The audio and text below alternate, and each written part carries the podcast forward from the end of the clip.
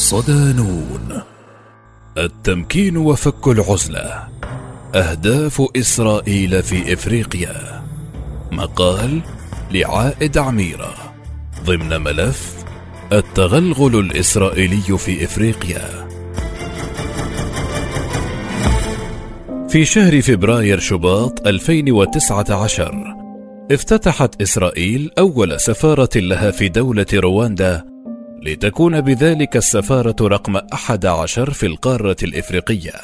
رقم مهم جدا حيث يفوق عدد سفارات الدول العربية الكبرى في القارة السمراء ما يشير إلى تمكن الكيان الإسرائيلي من خلق تحالفات قوية له مع الدول الأفريقية. في هذا التقرير ضمن ملف التغلغل الإسرائيلي في إفريقيا سنتحدث عن أهداف الاهتمام الإسرائيلي بإفريقيا وسعيهم المتواصل للتمكين الدبلوماسي هناك وفك العزلة السياسية التي فرضها العرب عليهم. علاقات قوية. أدرك الاحتلال الإسرائيلي مبكرا أن غيابه عن مجريات الحدث الدبلوماسي والسياسي في القارة الإفريقية قد يصب في صالح القضية الفلسطينية داخل المحافل الدولية والإقليمية. لذلك سعى جاهدا إلى إقامة علاقات قوية مع دول القارة حتى يضمن مساندتهم.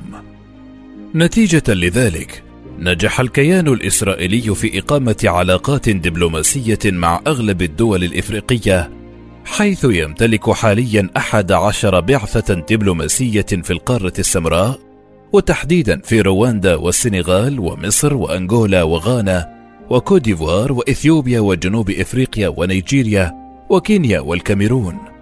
وثمة العديد من السفراء الإسرائيليين غير المقيمين في دول إفريقية. ومعنى ذلك أن لإسرائيل علاقات على مستوى سفارة مع 42 دولة إفريقية. أي بنسبة 80% تقريبا. وهي نسبة مرتفعة إلى حد كبير. في حين أن 15 دولة إفريقية لديها سفارات دائمة في إسرائيل. وصلت إسرائيل إلى هذه المكانة المتقدمة في إفريقيا نتيجة استعمالها العديد من الأساليب الملتوية خاصة غير الشرعية، فهي خبيرة في هذا المجال، حيث دعمت أنظمة الاستبداد في القارة وقدمت لهم كل الآليات الأمنية والتكنولوجية للحفاظ على ملكهم وسيادتهم كما أنشأت شركات أمنية خاصة لمساعدتها على ذلك. لا تكتفي إسرائيل بإقامة علاقات دبلوماسية مع الدول فقط، بل تطمح إلى إقامة علاقات قوية مع المنظمات الإفريقية، حتى إنها تطمح الآن للحصول على مقعد مراقب في الاتحاد الإفريقي. تلك المنظمة القارية التي تتخذ من أديس بابا مقرا رسميا لها وهو ما جعل قياداتها يعتمدون دبلوماسية الزيارات المتتابعة والمتكررة لعدد من الدول الإفريقية. وقبل حصولها على هذا المقعد، شارك رئيس الوزراء الإسرائيلي بنيامين نتنياهو سنة 2017 في قمة المجموعة الاقتصادية لدول إفريقيا الغربية إكواس، ما اعتبر حينها خطوة متقدمة في مسار التطبيع بين الكيان الإسرائيلي وهذه المنظمة الإفريقية. فك العزلة هذا التغلغل الإسرائيلي في دول القارة الإفريقية كان الهدف منه فك العزلة التي ضربها العرب على الكيان في العقود الماضية، فهذه السفارات والمشاريع الكبرى ودعم الدكتاتوريات الهدف منها ليس تنمية إفريقيا بل التمكين لمشروعهم المناهض للإنسانية. أراد الإسرائيليون استقطاب الجوار العربي غير المرتبط بعداء مباشر معهم، خاصة في إفريقيا جنوب الصحراء، حتى يخرجوا من عزلتهم التي فرضها عليهم العرب نتيجة اغتصابهم الأراضي العربية في العديد من الدول، فلسطين والأردن ومصر ولبنان. وجد رؤساء الأنظمة الاستبدادية الأفارقة في إسرائيل مبتغاهم، فهي تقدم لهم التكنولوجيا المتطورة خاصة في المجال الأمني، ما يمكنهم من تتبع معارضيهم والتنكيل بهم، فيما المطلوب منهم بسيط خاصة بعد تخلي العرب عنهم. لم يكن اهتمام الكيان الإسرائيلي بتلميع صورته لدى دول القارة الإفريقية ورسم صورة بيضاء مشعة منصبا على منطقة معينة في إفريقيا بل شمل جميع الدول في غرب القارة وشرقها ومنطقة القرن الإفريقي وجنوبها وحتى شمالها الذي يقطنه العرب. فضلا عن فك عزلتها السياسية تبحث إسرائيل عن إقامة علاقات قوية مع حلفاء جدد حتى تكسب كتلة تصويتية مهمة خاصة أن دولا أوروبية ذات وزن ثقيل مثل فرنسا تعارض بشكل متزايد الحصار الذي تفرضه إسرائيل على قطاع غزة وسياستها الاستيطانية بالضفة الغربية.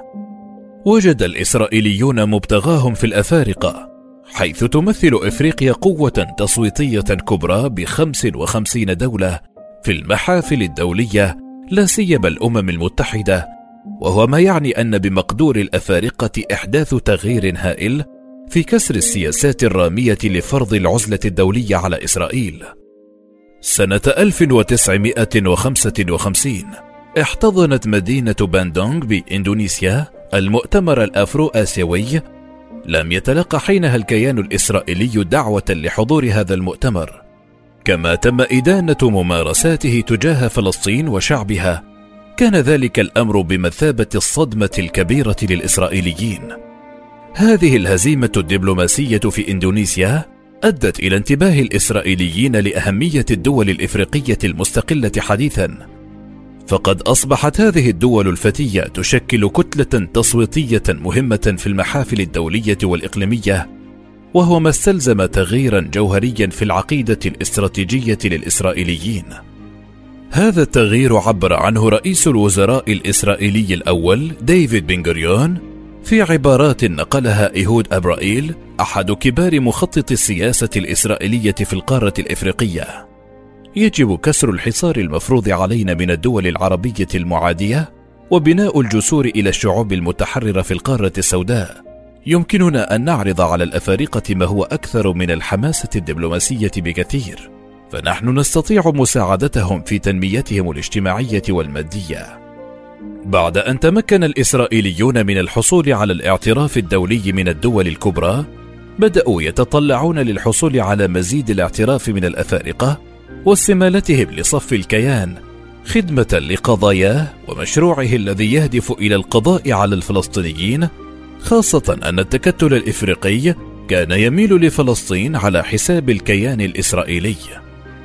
عبر عن هذا نتنياهو فخلال زيارة وزير خارجية غانا في مارس آذار 2016 قال إنه يتوقع الآن من الأفارقة تغييرات إضافية في أسلوب التصويت داخل الأمم المتحدة على ضوء القرارات المناهضة لإسرائيل في اللجان الدولية.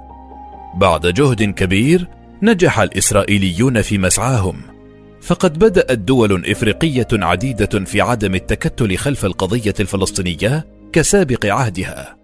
بعد ذلك بدأت هذه الدول في الامتناع عن التصويت لصالح القضية أو حتى التصويت ضدها وهو ما يصب في مصلحة الإسرائيليين. أثر كيان الاحتلال الصهيوني على السلوك التصويتي للدول الإفريقية في الأمم المتحدة والعديد من المنظمات الدولية الأخرى خدمة لمصالحه ودعما لمركزه الدولي. كما نجح أيضا في إضعاف التأييد الإفريقي للقضايا العربية وكسب تأييد الرأي العام الإفريقي له خاصة في القضايا ذات العلاقة بالصراع العربي الإسرائيلي. كتلة تصويتية مهمة. بعد هذه الجهود، أصبحنا نرى دولا ما فتئت تصوت لصالح حقوق الشعب الفلسطيني ترتد عن مواقفها التاريخية ومبادئها لتصوت بذلك إلى الكيان الصهيوني. ما يعني نجاح الإسرائيليين في اختراق الكتلة التصويتية للأفارقة. هذا النجاح تجسد في العديد من المحطات ففي سبتمبر أيلول 2015 صوتت دول إفريقية عدة وهي توغو ورواندا وكينيا وبروندي ضد قرار للوكالة الدولية للطاقة الذرية يطالب إسرائيل بالانضمام إلى معاهدة حظر انتشار الأسلحة النووية وما يعنيه ذلك من خضوع منشأتها الدولية للتفتيش الدولي باعتبارها الدولة الوحيدة في منطقة الشرق الأوسط التي لم تنضم إليها.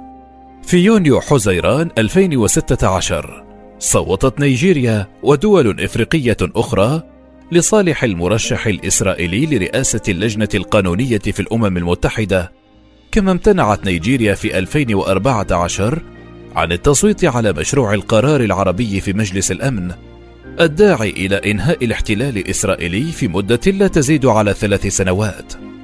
سنة 2017 صوتت دولة توغو الإفريقية ضد قرار يدعو الولايات المتحدة إلى سحب اعترافها بالقدس عاصمة لإسرائيل، فيما امتنعت سبع دول إفريقية عن التصويت، وهو ما يعتبر تأييدا كبيرا للدبلوماسية الإسرائيلية في الأمم المتحدة.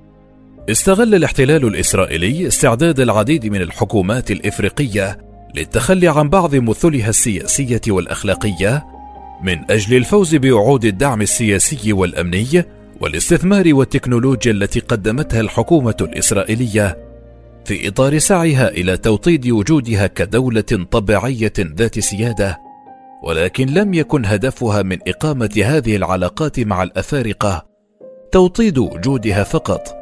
بل هناك أهداف أخرى سنعرفها في باقي تقارير نون بوست ضمن هذا الملف.